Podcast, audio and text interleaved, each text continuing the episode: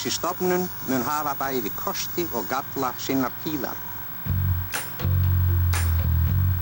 Það var náttúrulega minni neysla, því fólk hafi minna á miklu handana. Í hundruðum augna speiklast jólaljós og jólagleði. Fólki nýtur ekki jólana fyrir þreytu og áhyggju. Nútíma húsmæðurnar væru hinn eiginlega kúaða skett.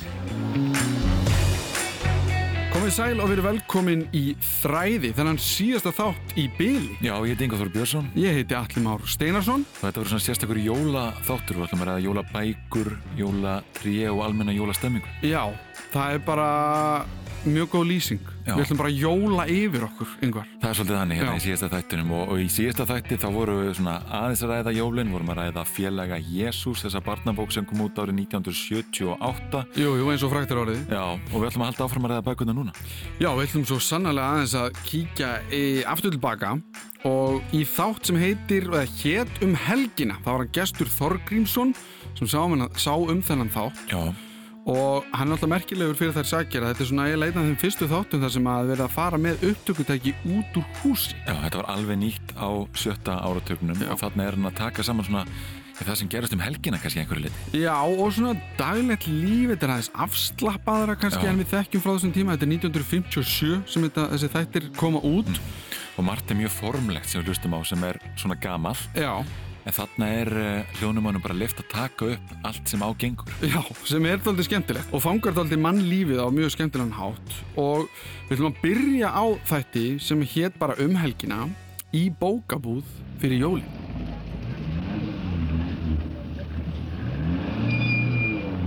Jólaljósin eru komin í bæinn. Lingsvegar bærast fyrir vindi og borgin ángar. Og borgin ymur af fólki. Fólki sem er að flýta sér af því að jólin eru að koma og af því að það er ekki ennþá búið að kaupa allar jólagjafinnar. Ég er státtur á laugavegi og berst með strömmnum sem leitar niður í miðbæinn Hér til að hægri við mig er ný og glæsileg bóklaða. Ég held ég breiði mig hér inn og fá að heyra eitthvað um jólabækurnar. Því að þær munu nú sem fyrr verða aðal jólagjafir þessarar bóklesnu þjóðar. Góðan daginn. Manni minn, Já, hvað mætti helst vera frú? eitthvað nýjútkomnum. Að lesa allt. Að hverju myndi hann hafa einna helst gaman? Skáldsögu? Skald... Ferðabók? Ferðabókan. Hérna er ferðabók, nýjútkomin alveg, góða tungl, þetta eru konuna Hvað ástina. Björnsson? Kostar 240, gjör svo vel. Stór og alveg bók. Mætti kannski ferðasögu frekar höfum við, þá höfum við hérna verkaferðabók sem heitir... Hvað kostar hún? Það kostar 198. Þetta er ferðabók Henderson, segir frá ferðalögum hans hér laust eftir 1800 á landinu þar sem hann talar mjög vinsalega um land og þjóð. En ágætasta bók. Það er náttúrulega nóg úr að velja. Það er vissna mikið úrval, nú hefur geysið mikið komið út. Við skulum sjá, hér höfum við ennfremur ferðabók um Ísland til Andristjóða. Þetta er eftir Erling Bromborg, þann sem... Kýringu hvers? Þetta hefur þýtt og frá gengið Herstedt Pálsson, reitstjóri. Svo höfum við ennfremur... Ég held ég tæki bara hérna Svein Björnsson. Já, takk. Ég vist, hérna veist að það. Já. En svo er það barnabækur hérna. Barnabækur eigum við mikið af, já, já. Þetta er nýjasta bókin hans Jónas Almarssona. Það er Fuglinn Sigursæli. Jæja Kristján, hvernig gengur salan? Salan gengur príðilega, þakka þér fyrir. Og uh, á hvaða aldri er nú aðalega þeir sem koma inn og kaupa bækur fyrir jólinn? Já, ég myndi segja þeir væri á öllum aldri en uh, aðalega þó fullorðið fólk. Já, það verðist að vera meiri áhuga fyrir Já. bóklistan. Guð velkomin að senda bóks út. Sjálfsagt. Við erum búin að fást lengi við bóksölu. Nokkur ár. Það finnst hér að uh, sala góðra bóka hafi minkað nokkuð til muna eftir og að uh, þessi tímarit, mar margum töluðu tímarit fóru að koma margir. Nei, það myndi ég nú ekki halda. Ég held að það sé alltaf ákveðin hópur sem les tímaritin sér til skemmtunar en í þeim hóp eru jáfnframt fjöldin allra fólki sem ekki síður kann að meta góðar bækur og les þær og kaupir að því er mér virðist. Já. Hafið fjölfræði bókina? Jú, hérna er hún, gerð svo vel. 198 krónur. Þetta er fallið bók. Já. Hér er allt mögulegt millir himins og jarðar. Og hún er uh, þýtt af... Uh, af Hreinsteini Gunnarsinni. Já, já. Hérna gefur að líta dýrin, dýr og landi, fiska. Heldur þetta ekki gaman að eiga svona bók? Jú. Já.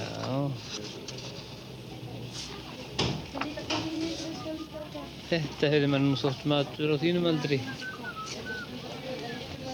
Að fróða maður þú búinn að lesa þessa bók. Þarna er hann gestur Þorgrímsson að ræða við uh, bóksala niður í bæ. Já, já, Og þetta eru við- aðal jólagjafir þessarar bókelsku þjóðar. Já. Og þetta er með jólagjöf ársins í ár. Bara núna? Já. Já. Það, og- Íslensk bók og, og spil. Já, mér finnst, er, er það, mér líður einhvern veginn eins og það sé oftast þannig, eða hvað? Jú, all, en nú er það einhvern veginn formlega alltaf. Já, en þarna er alltaf áhört að heyra, sko, hvernig samræðinu fara fram. Í fyrsta Já. lagi eru náttúrulega gríðarlega kurtisar. Já, já, já, já. Hvað má bjóða yður og, og allt þetta, sem er mjög gaman að heyra. Já, hvað les maðurinn helst? Já. Já, það Og- skáldsur eða ég vil ferðatabækur. Og ég náttúrulega var svo imponeraður yfir þessari ferðabók Henderson Mhm. að ég fann eindak af henni og keifti. Já, Ég hef eftir að fá henni í hendunar en ég er mjög spenntur að lesa hana. já, hérna er Ebenezer Henderson Já. að lýsa lífi á Íslandi 1814-15, eitthvað svo leiðis. Já, það er sko eins og stendur á kápunni að þá er þetta frásagnir um ferðalag þvert og endilangt Íslands árið eh, 1814-15 með vetursetu í Reykjavík. Emitt. Og verður mjög áhvert að sjá hvernig ferðalag það hefur verið, sko. Já, já, já, já. En okkur svona datta þessi hug bara, af því að við höfum nú báðir staðið vaktina Já. á okkar yngri árum í þessari jólaös, hvort sem það er að selja geisladiska eða að selja bækur. Já, já. Og Eh, þetta getur verið strempið að fá eins og spurninganda sem hann er að fá þarna. Ertu með eitthvað svona, svona, svona og... og maður mann einhvern veginn eftir því að fólk kom inn í, í bókabúð Mhm. uh, þá sem ég var að vinni Mhm. og hafði ekkert endilega sko einhverja hugmynd um hvað það vildi gefa Nei. eða hvað það vildi kaupa og þurfti þá einmitt ein, eins og er gert þarna að spyrja eins út í það hvað er í bóði og, Mhm.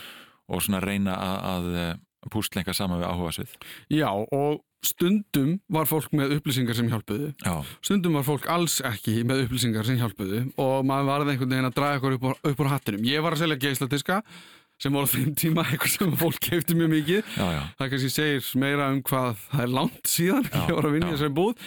En uh, við ákvæmum bara niður í bæ. Já, já, og ræða við bóksala Já, og hvernig þetta samtal er í dag? Hvernig finnst þér sko vittneskja fólk sem kemur að vesla bækur? Er það að leita til þín daldi mikið bara, herðu, getur þú leiðbund mér eða herða með einhverja hugmynd um hvað það vill?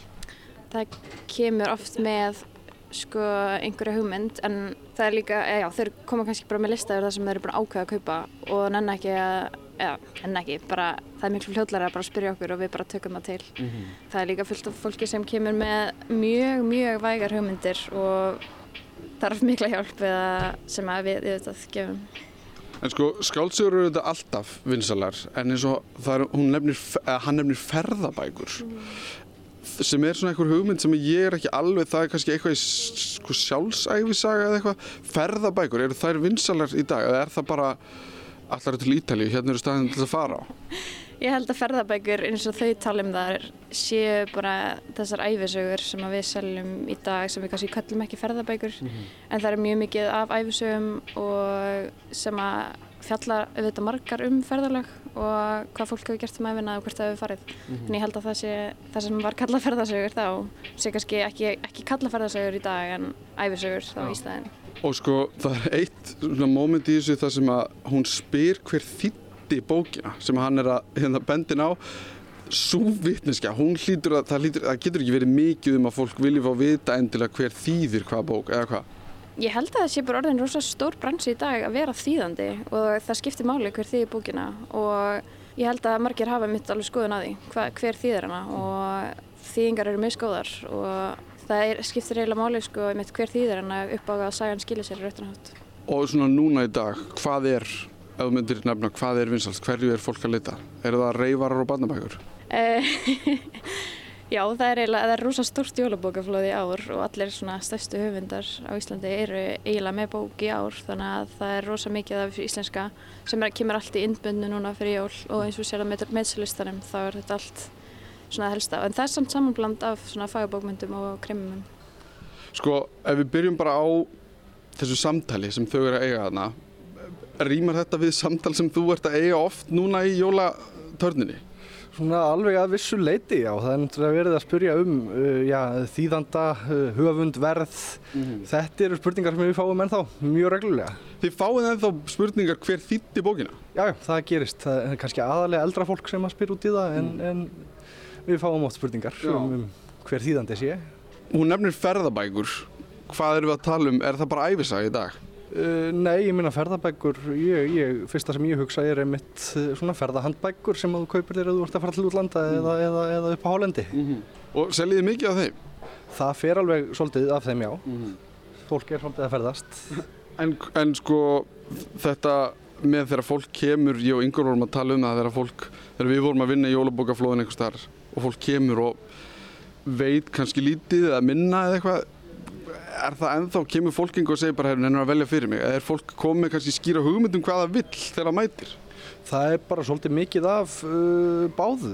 Fólk kemur og býður um meðmæli og kaupir það sem maður mælir með stundum. uh, en svo er líka fólk að koma sem að er með mjög skýra hugmyndum hvað það vill, hvað það var að fara í jólapakkana.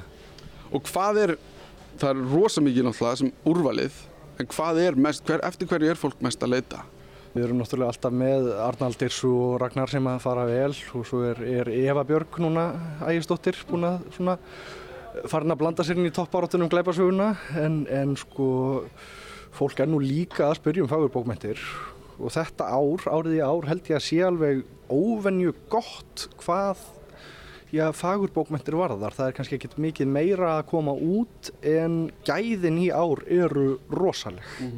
Og fagurbókmyndir eru bara skáldsögur, ekki reyfar, heldur bara, eða hvað? Já, bara, bara þessar, þessar svona skáldsögur sem að, sem að, já... Kannski enginn deyri?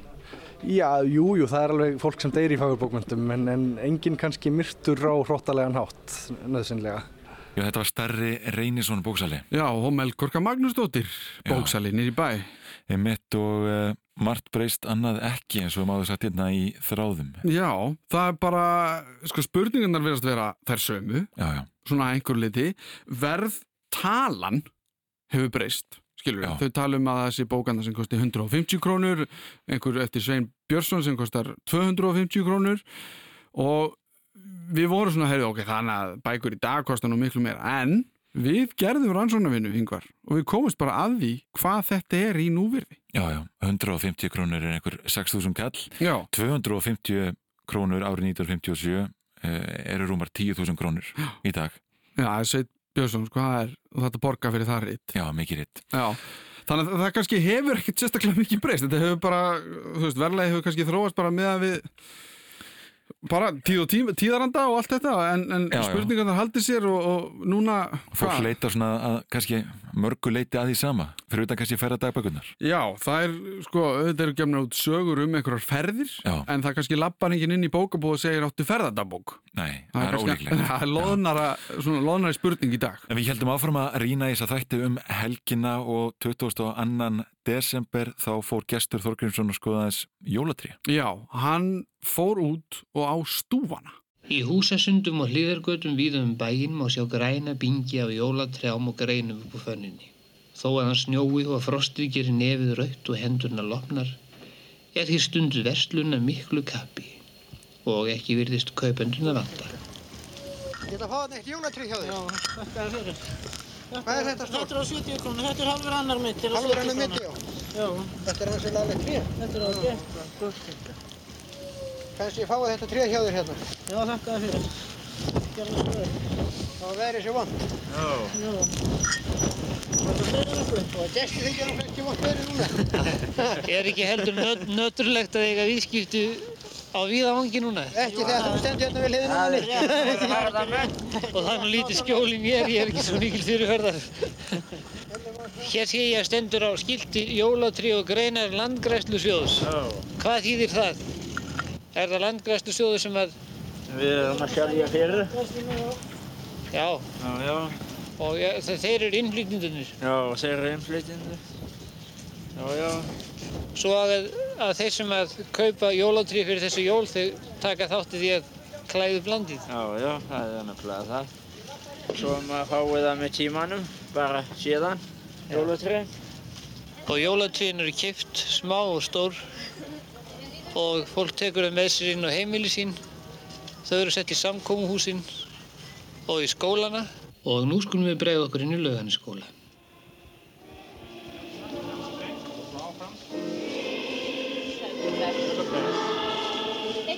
Í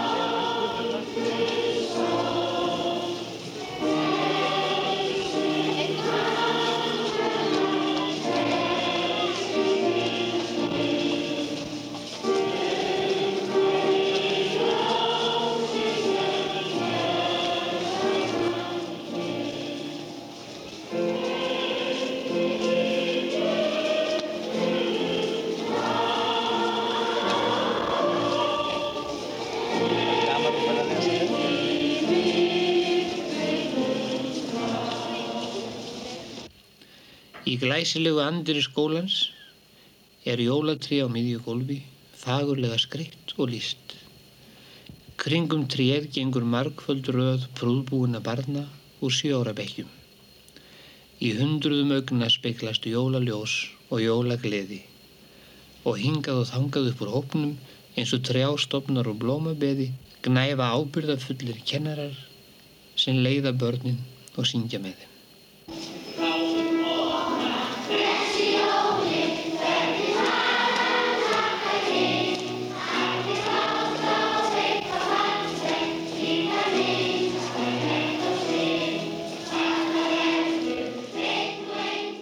Erum að hlusta á uh, nefnendur, 7 ára nefnendur í laugarneskóla sem í dag eru orðinni 72 ára. Já, þetta tekið upp árið 1957. Já.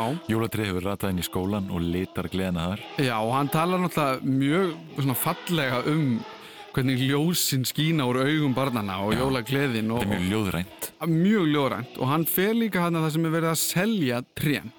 Já, já. Og, þá... Það kvast þarna hjá þeim Já, og, og þeirra grínast sín á milli. Já, og já, er ekki, er ekki tréð selt fyrir 150 krónur? Heyrist mér? Já. Sem er 6000 krónur. Já, já. Ég veit ekki alveg hvað jólatrið er á í dag en, en uh, kannski eitthvað svo leiðis. Já, svipa verðlag. Svipa verðlag, en þar nefnir viðmælandinn landgræðslu sjóð uh, sem er að flytja hann inn tré.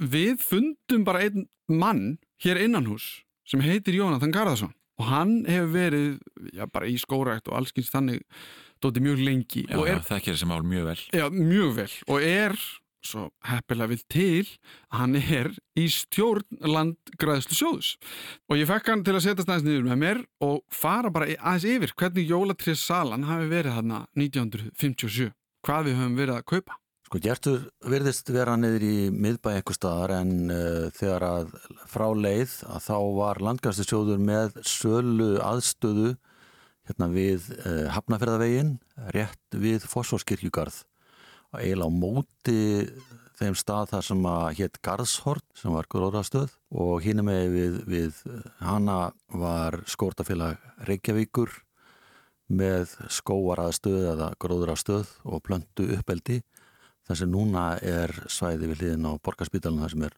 tölvört af húsum í dag. Mm. skórtafélag Reykjavíkur er komið með sína aðstöð upp í heiðmörk. Og hann nefnir, ég heyri það sérstaklega að þetta er landgræslan sem er að selja þarna. Landgræslu sjóður Landgræslu sjóður Það er alltaf næði landgræslan Ok. Þetta, þetta er, er ruggla marga. Landgræðslan er ríkistofnun, skórækt ríkisins sem heitir bara skóratin í dag er ríkistofnun. Síðan er skóratafélag Íslands sem er yfir 60 sjálfstæðin skóratafélagum sem eru reygin á félagsgrunni, sjálfbúðlega starfi Mm. og landgræðslu sjóður er sjóður sem er innan eh, skóratafélags Íslands eh, sem reyndar aðilar frá landgræðslunni og skóraktinni hafa aðkomið að þeir í stjórn og ég er í stjórn þessa landgastu sjóðs núna því ég er formaður Skórtafélags Íslands. Mm. Og þetta er árið 57 Já. Og þarna virðist þetta vera pínu að byrja því hann segir við erum að selja hérna og vonandi einhver tíman þá verðum við að selja okkar eigin tré. Er þetta pínu, erum við að ná hann einhvers konar grassrootarstarfi? Bókstæðan? Já, þarna eru greinlega trén flutt inn frá Danmörku Mm. það sem að skátar og börgunarsveitur aðrar hafi verið að gera síðan í setni tíð.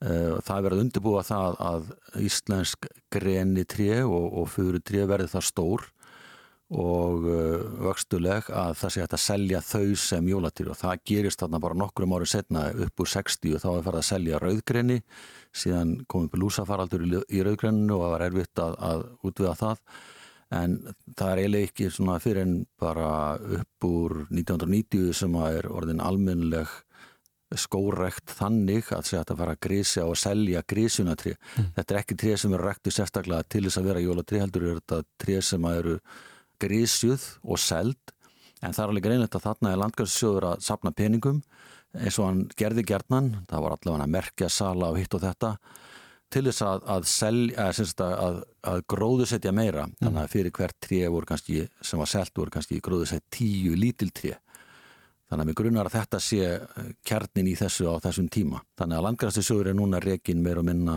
fyrir fér sem að kemur frá ríkinu en líka frá félögunum og ýmsum öðrum. Og þetta fyrir bæri landgræstisjóður hefur staðið að alls konar átökum í skórækt í kennum tíðina. Mm. Stórt og mikið átök til dæmis í kringu 1990, svo aftur kringu 2000. Þannig að þetta er sjóður sem að nota peningarna til þess að láta félög út um all land fá tri eða styrki til þess að gera hitt og þetta framkvæma og gróðsetja og grísja og svo framvegis. Og kannski svona í lokin, jólatriðin sem að fólk eru með heima á sér, það er lifandi jólatriðin sem fólk eru með heima á sér, eru þau þá í dag öll íslensk? Nei, nei, nei, langt frá því. Nú. Það er mjög mikið flutt inn frá Danmörka en þá, mm. en það eikst alltaf hlutfall íslenskar trjáa en við erum ennþá daldi langt í land og kannski er það framtíðin að, að ef að ef við viljum koma í veg fyrir sótsporið sem að hlýsta því að flytja trén inn frá Danmörku og öðru löndum að einblýna á íslensk tré en það er daldið eftir þá, getur við náðum því, það er kannski svona tíu ár þá getur við náð því. Þetta var Jónatan Garðarsson sem veit meira en mörgum margt. Já, nákvæmlega. en við erum búin að ræða hérna jólatríi og jólabækur og jólagjafir að einhverju leiti og þá kannski spurningum almenna jólastemming og jólahefðir. Já, og þá duttum við á þátt sem að er frá árinu 1958. Já, spurt og spjallað sem Sigurður A. Magnússon stjórnaði. Já, og er bara held ég gengur hann í einhver ár.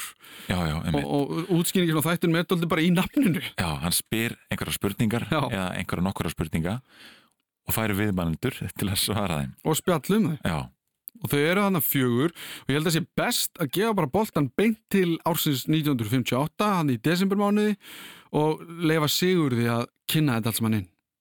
Gestir þáttarins eru að þessu sinni Dr. Broddi Jóhannesson uppeldisfræðingur Friðfinnur Ólafsson framkvæmdastjóri, Guðmundur Gíslason Hagalín Rittöfundur og Þórun Elva Magnúsdóttir Rittöfundur og innan stundar spyr ég og þau spjalla.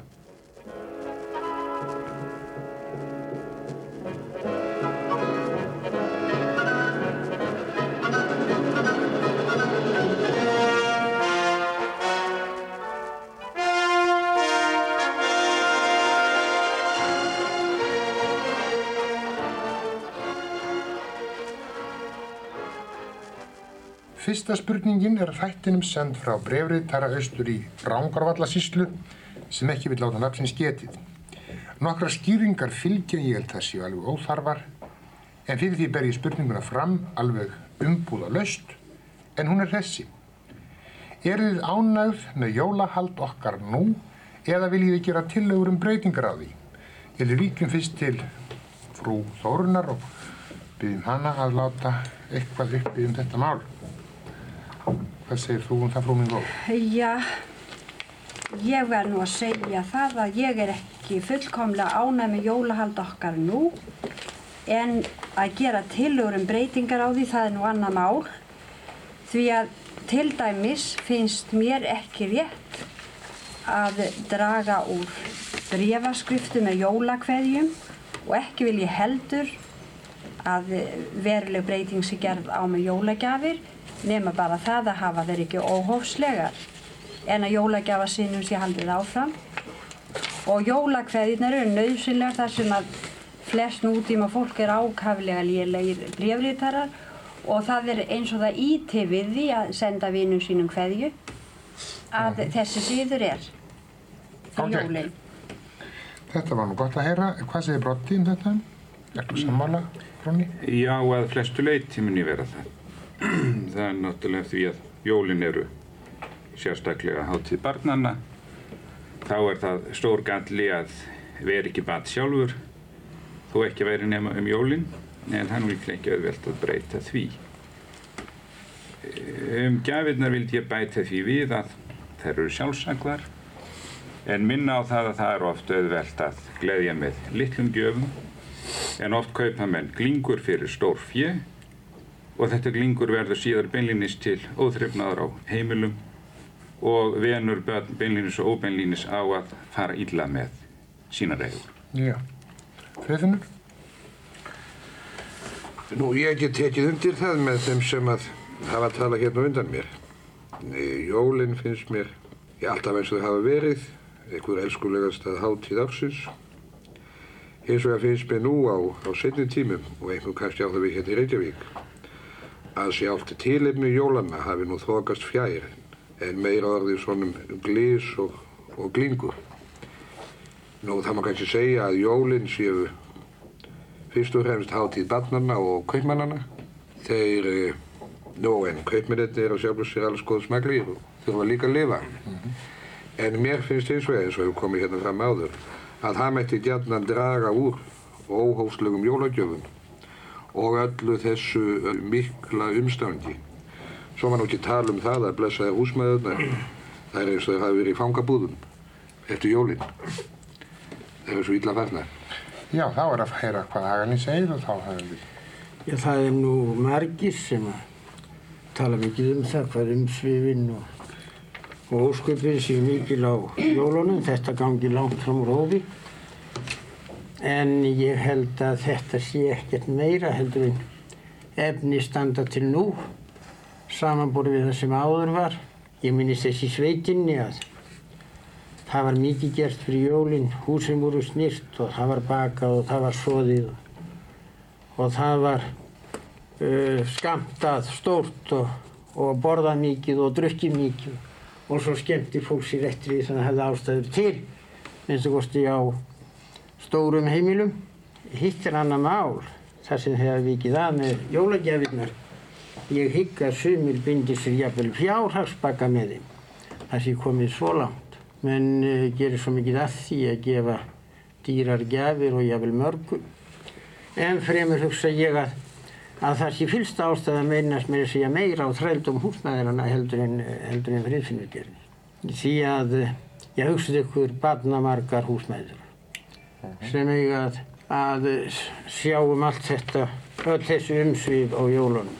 Og það er nú einu sinni svo núna að eh, barnamörg húsmóður hún hafi sæmilega góð efni, hún getur bara ekki fengið hjálp. Og að þræla þeim út þannig að það séu miður sín, lengi á ettir. Mér finnst lítið vitið því og lítil jólagleði. Já. Nú, en hvernig hættir úr því að bæta, ég mér hefur helst stótt í huga að þarna er það að koma frá húsmaðurinn sjálfum, frá konunum sjálfum. Kallmenninir get ekki sett um stólum fyrir dittnar. Það er bara þetta sem að mér finnst eiginlega þurfa að forðast og það er að geima svo mikið af jólaundirbúningi fram á síðustu dagana. Það er hægt að jafna þessu yfir lengri tíma og það er til dæmis að konur sem ekki hafa öðrum störfum að gegna heldur en sinna sínu heimili, það er hljóta að geta skipulagt þetta miklu betur. Það er til dæmis engin ástæða til þess að standa í smákökubakstri rétt fyrir jólinn. Það er hægt að baka þetta löngu fyrir og, og sitja bara limband utan um baukan og þá geymist þetta vel. Þetta hvað geymast í mánuð? Já og svo er fleira. Það er til dæmis að nú týðkast það mikið að hafa sínikenslu fyrir jólinn og, og kenna alls konar margbrotna rétti. Svo eru konur kannski að hugsa um það að nú geti þær ekki e, komist hjá því að breyta eitthvað verulega til og þá ráðast þær í það að, að búa til margbrotna jólarétti eða margbrotna matarréttir, ekki beinis til er jólunum og það verður þeim oft svo erfitt. Þær eiga að halda sig að því sem þær kunna vel til þess að hafa ekki óþarfa áhyggjur. Þær geta spreytt sig á margbrotinni matargerð þar fyrir utan. Já, þá veitum við það. Þetta verður nokkuð eftir hvað heimilin eru stór. Ég held nú yfirleitt að húsmæður hafi yfirleitt alltaf nóg að gera með sinn tíma og þetta jól og umstokk það bætist reynilega ofan á. Yes, Og það sé ekki svo þægilegt að geima það eða skipuleggja það Skipuleggja? fyrir. Já, en hvernig stendur á því að sumarkonur vinna mikið með meðalstórum og stærri heimilum og koma þó af nokkurn veginn jólaundirbúningi, þá finnst mér að hinar ættu að geta skipulagt þetta og jafna þessu niður. Ímsu. Og svo í öðru lagi að ef að það verður mjög erfitt fyrir þær að fylgja gömlum reglum að allt mögulegt skuli vera komið frá fyrir jól, þá verður þær að draga úr því og láta mæta afgangi þar sem að e, minnstu máli skiptir. Þarna finnst mér að hvemfélugin, húsmaðurafélug og verkakvennafélug og, hvernristindafélug, fólkið sem þar starfa saman, það geti gengist fyrir einhverju skinsamlegu hófi í þessu efni. Já. En svo er það þetta að í allu þessu brambolti þá bóstaflega verður svo lítið úr helgi jólana og friðsældira sem mér finnst eiginlega tilheyra þessari hátíð. Fólki nýtur ekki jólana fyrir þreytu og áhyggjum. Það er yfir það. Ég held að hef verið Helgi Hjörvar sem sagði einu sinni að nútíma húsmæðurnar væru hinn eiginlega kúaða ábyggjum. Og það mun nokkuð vera til í því. Hins vegar er mér nú kunnugt um að þeim er ekki öllum eins leitt að láta. Ég man einu snart að ég kom mér í mjúkinn hjá konu með því að benda henni á auðvelda leið til að létta eldhússtörfi og sagði henni að það mætti draga mikið úr þessu umstangjöldlu bæði við matargerð og uppþvott til dæmis með því að hafa eða lífa aðalega á hráu hangkjöti og kona svaraði umsvifa laust heldur það ég vildi missa uppþvottin minn. Síðan, síðan hef ég var ald- skrítin. já, síðan hef ég aldrei reynt að koma mér í mjúkinn hjá konu með því að benda Ég held nú að flesta konur vildu losna við líka. Við vísum þessu að tillögu Guðmundars að þessum þætti jólahelginar til félaga? Helgi ég. Algjör. Ég vildi helgin, mega vísa veit eitt ekki vísaði líka til prestanna Já. og kirkjuna. er. Að þoka svolítið nær heldur en nú er sjálfu tílefni jólana. Ég finnst nú satt að segja að, að, að, að kirkjunar hlutu núna á setna árum hefði nú heldur farið, farið minkandi og mættu þau nú gæna að hressa sig við blessaðir. Og svo vildi ég beina því til prestana þá líka að þegar þeir flytja sína jólaprétikanir þá nefnir þeir oftar Jésúna því að lítil börn sem hlusta þau búast alltaf við að heyra það en þau átta sig ekki á frelsarin og mannsinsonur og svo framvegis. Svo veit ég ekki hvort að jólaguðsunustan á, á aðfangadal þarf endilega að vera á matatíma. Ég er ekki vissum að það sé alveg nöðsynlegt. Þetta spursmál hef ég leist. Annarfyrt borðum við klukkan hálf sex og sitjum svo hljóð við að hlusta á jólaprétikuna eða við förum til kirkju og borðum á eftir. Já, er það nú ekki nokkuð hyggjilegt? Það var nú gaman að vana að borða klukkan 6. Þá var ekki útvarp. Já, þetta atrið sem uh, Þórun vék að um, helgi jólana minnir mér raunar á það að ég held að í nútíma menningu þá sé engin frumþár mannsins vanrækt fremur og eins alliða og þörfans á lotningu og helgi. Þetta kemur ákvæmlega víða fram. Til dæmis hamast bæði hægri menn og vinstri gegn því að eh, fullkomin virðing sé borin fyrir nokkrum manni, nokkrum lifandi manni, það má stundum bera virðingu fyrir þeim sem dauðir eru og þá heitir þetta manndýrk. Já, Þetta er ákvæmlega einkennilegt og sem litið tvíeggjað viðþorf. Já, þess að ég vilji nú leggja mjög orðið hér í þennan belg, þá held ég nú að samtíð okkar þurfi nú undan einhverju fremur að kvarta en því að menn sé ekki dyrkaðir í lifandi lífi. Það finnst mér nú satt að segja. Ætlaði sé ekki það að, að dýrkun einstakra manna hafi komið í staðin fyrir þá lotningu sem var borin fyrir Guði og Guðdóminum. Guðdóminum. Yfirleitt hugtak þess heilaga er að kalla týntúr okkar menningu. Ég held að fullorði fólk, við segjum miðaldrei að snálgast það, ég held bóstarlega að það hungri eftir látleysi og friðsæljólana eins og áður var. Mér finnst til dæmis að Guðmundur Böðvarsson hafi lýst þessu svo fallega í kvæði sem heitir Hinn gamlu jól. Þar sem að hann segir frá íburðu jólana sem að honum finnst eh, hann verið eins og gestur. Í. En svo segir hann að lokum í þessu kvæði sínu Við munum og geymum með miklum yl þá menjar á nokkur skugga um lítinn torrbæ með lárist þil og ljós út í hverjum glugga og baðstofur líunar blíðu seið sem bretti af rúðunni klakan og dýrðlega kvöldið sem kom og leið og kertið sem brann og í stjakan. Já, ætlum við ekki að láta þessu jólaspjall okkar lokið með þessu ljóði eða hvað segjum við það? En ég held að það er þó að breyta aðstæðunum Já, ég- leitt.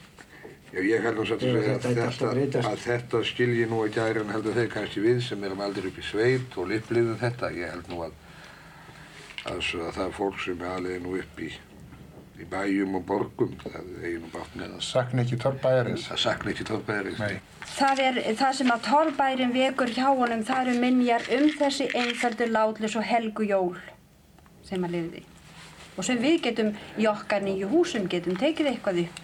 Þetta eru þau Friðfinnur Ólafsson, forstjóri, doktor Broddi Jóhannesson, sálfræðingur og uppeldisfræðingur, pappi já, já. Mert, uh, taka það fram, Guðmundur G. Hagalín, riðtöndur, sem er held ég langa við Sigriðar Hagalín, já. Og Þórun Elva Magnúsdóttir, riðtöndur, sem er mamma Megasar. Já, einmitt. Þetta er ekki neitt, já. Þetta er fólk sem hefur mikla vikt í samfélaginu, Já, það er ótt að segja það, og, og, en þessar umræður eru kannski lýsandi fyrir þennan tíma. Já, það er hérna, hvað var hann að segja? Hann hefði reynda hérna, tala einhverja konu til uh, að hjálpa henni og það væri að borða rátt hangikjöld. Ég veit nú ekki hvað laust það er. Nei, einmitt, og þarna var að tala um það að það var bara hægt að baka fyrr og, geima smákökunar. Mhm. alls konar ráð þarna og, og að fólk hefur bara að halda sig við það sem uh, það kann vel. En síðan var þessi spurning, einmitt, hvort að fólk hungri eftir því sem áður var. Já, og þetta er 1958 Já. og þau voru hann í endan eiginlega bara farin að hungra í moldarkofan Já, já. aftur, friðin og róina sem kæmi af því að halda jólin í moldarkofa Já, akkurat. Og það er áherslu við skoðum uh, jólalög, það var oft verið að tala um jólin eins og þau voru áður fyrr. Já. Og þá líka við um þessi elstu jólalög. Já.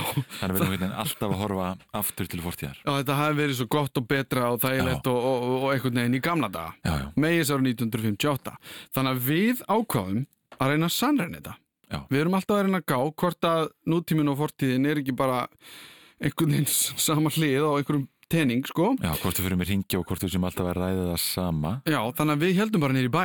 Og spurðum uh, fólk þar hvort það sé ánægt með jólahald okkar núna.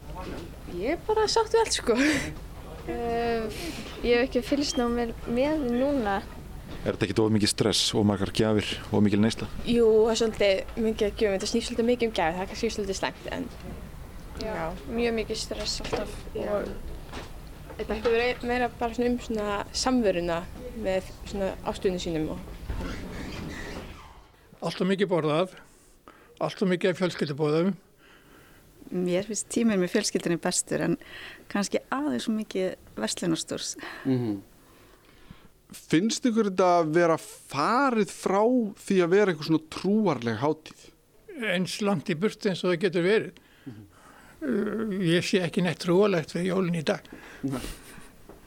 Þetta var náttúrulega upphálega ljósaháttíð og heiðin síður. Mm.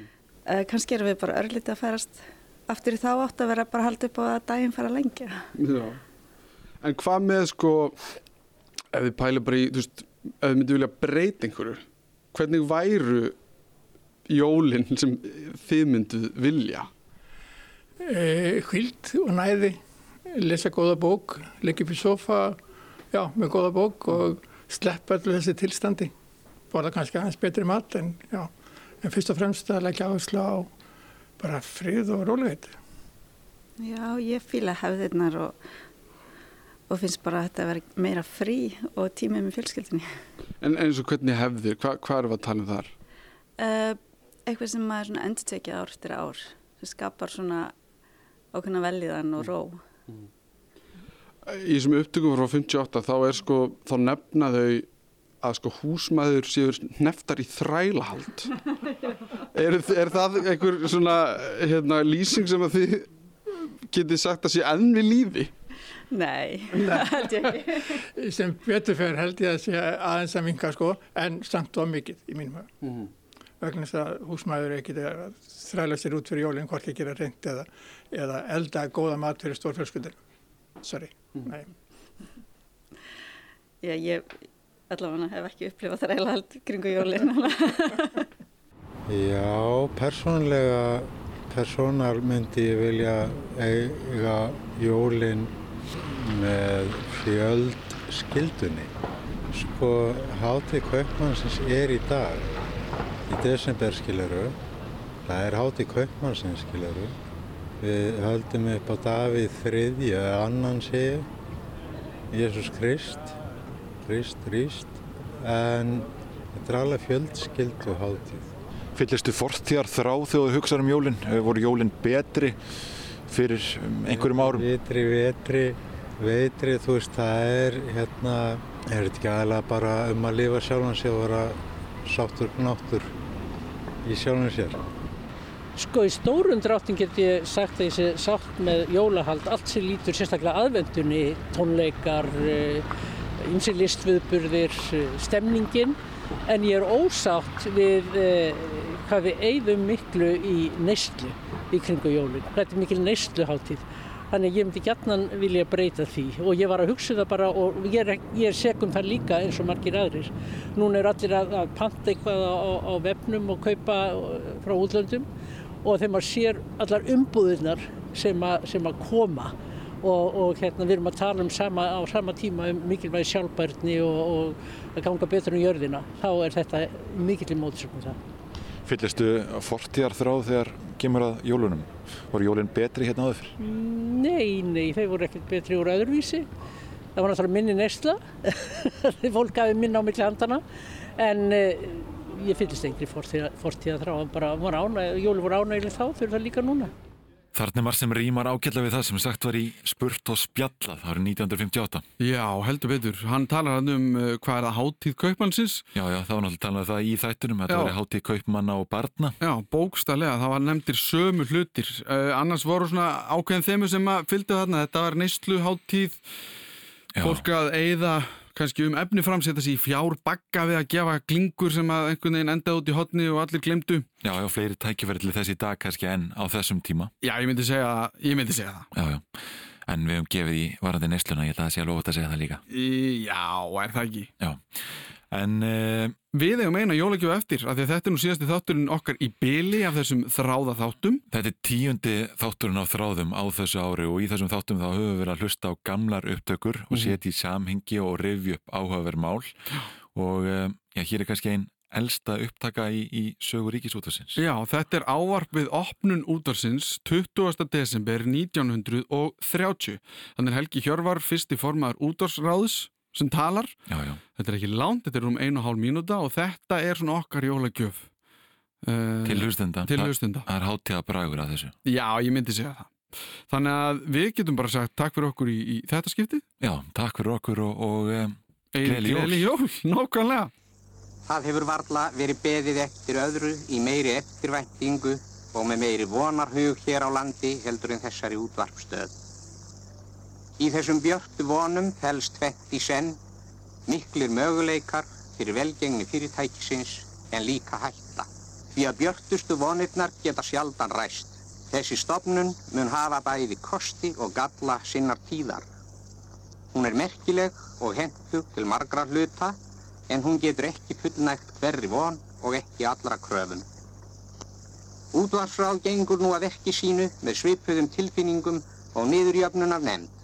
Annars vegar staðráðið í því að leysa verk sitt vel af hendi og örvænta hvergi en hins vegar vel vitandi það að ekki muni eintómt lof eða þakklæti falla sér í skaut. Hér fyrir framann mig á borðinu er tendrað lítið ljós. Það er ræðumanninum merkið þess meðan það logar að stöðin sé í lægi og beri orð hans víða vega. Þetta ljós hefur sloknað nokkrum sinnum hjá okkur í kvöld að því að smá bilanir urðu á stöðinni.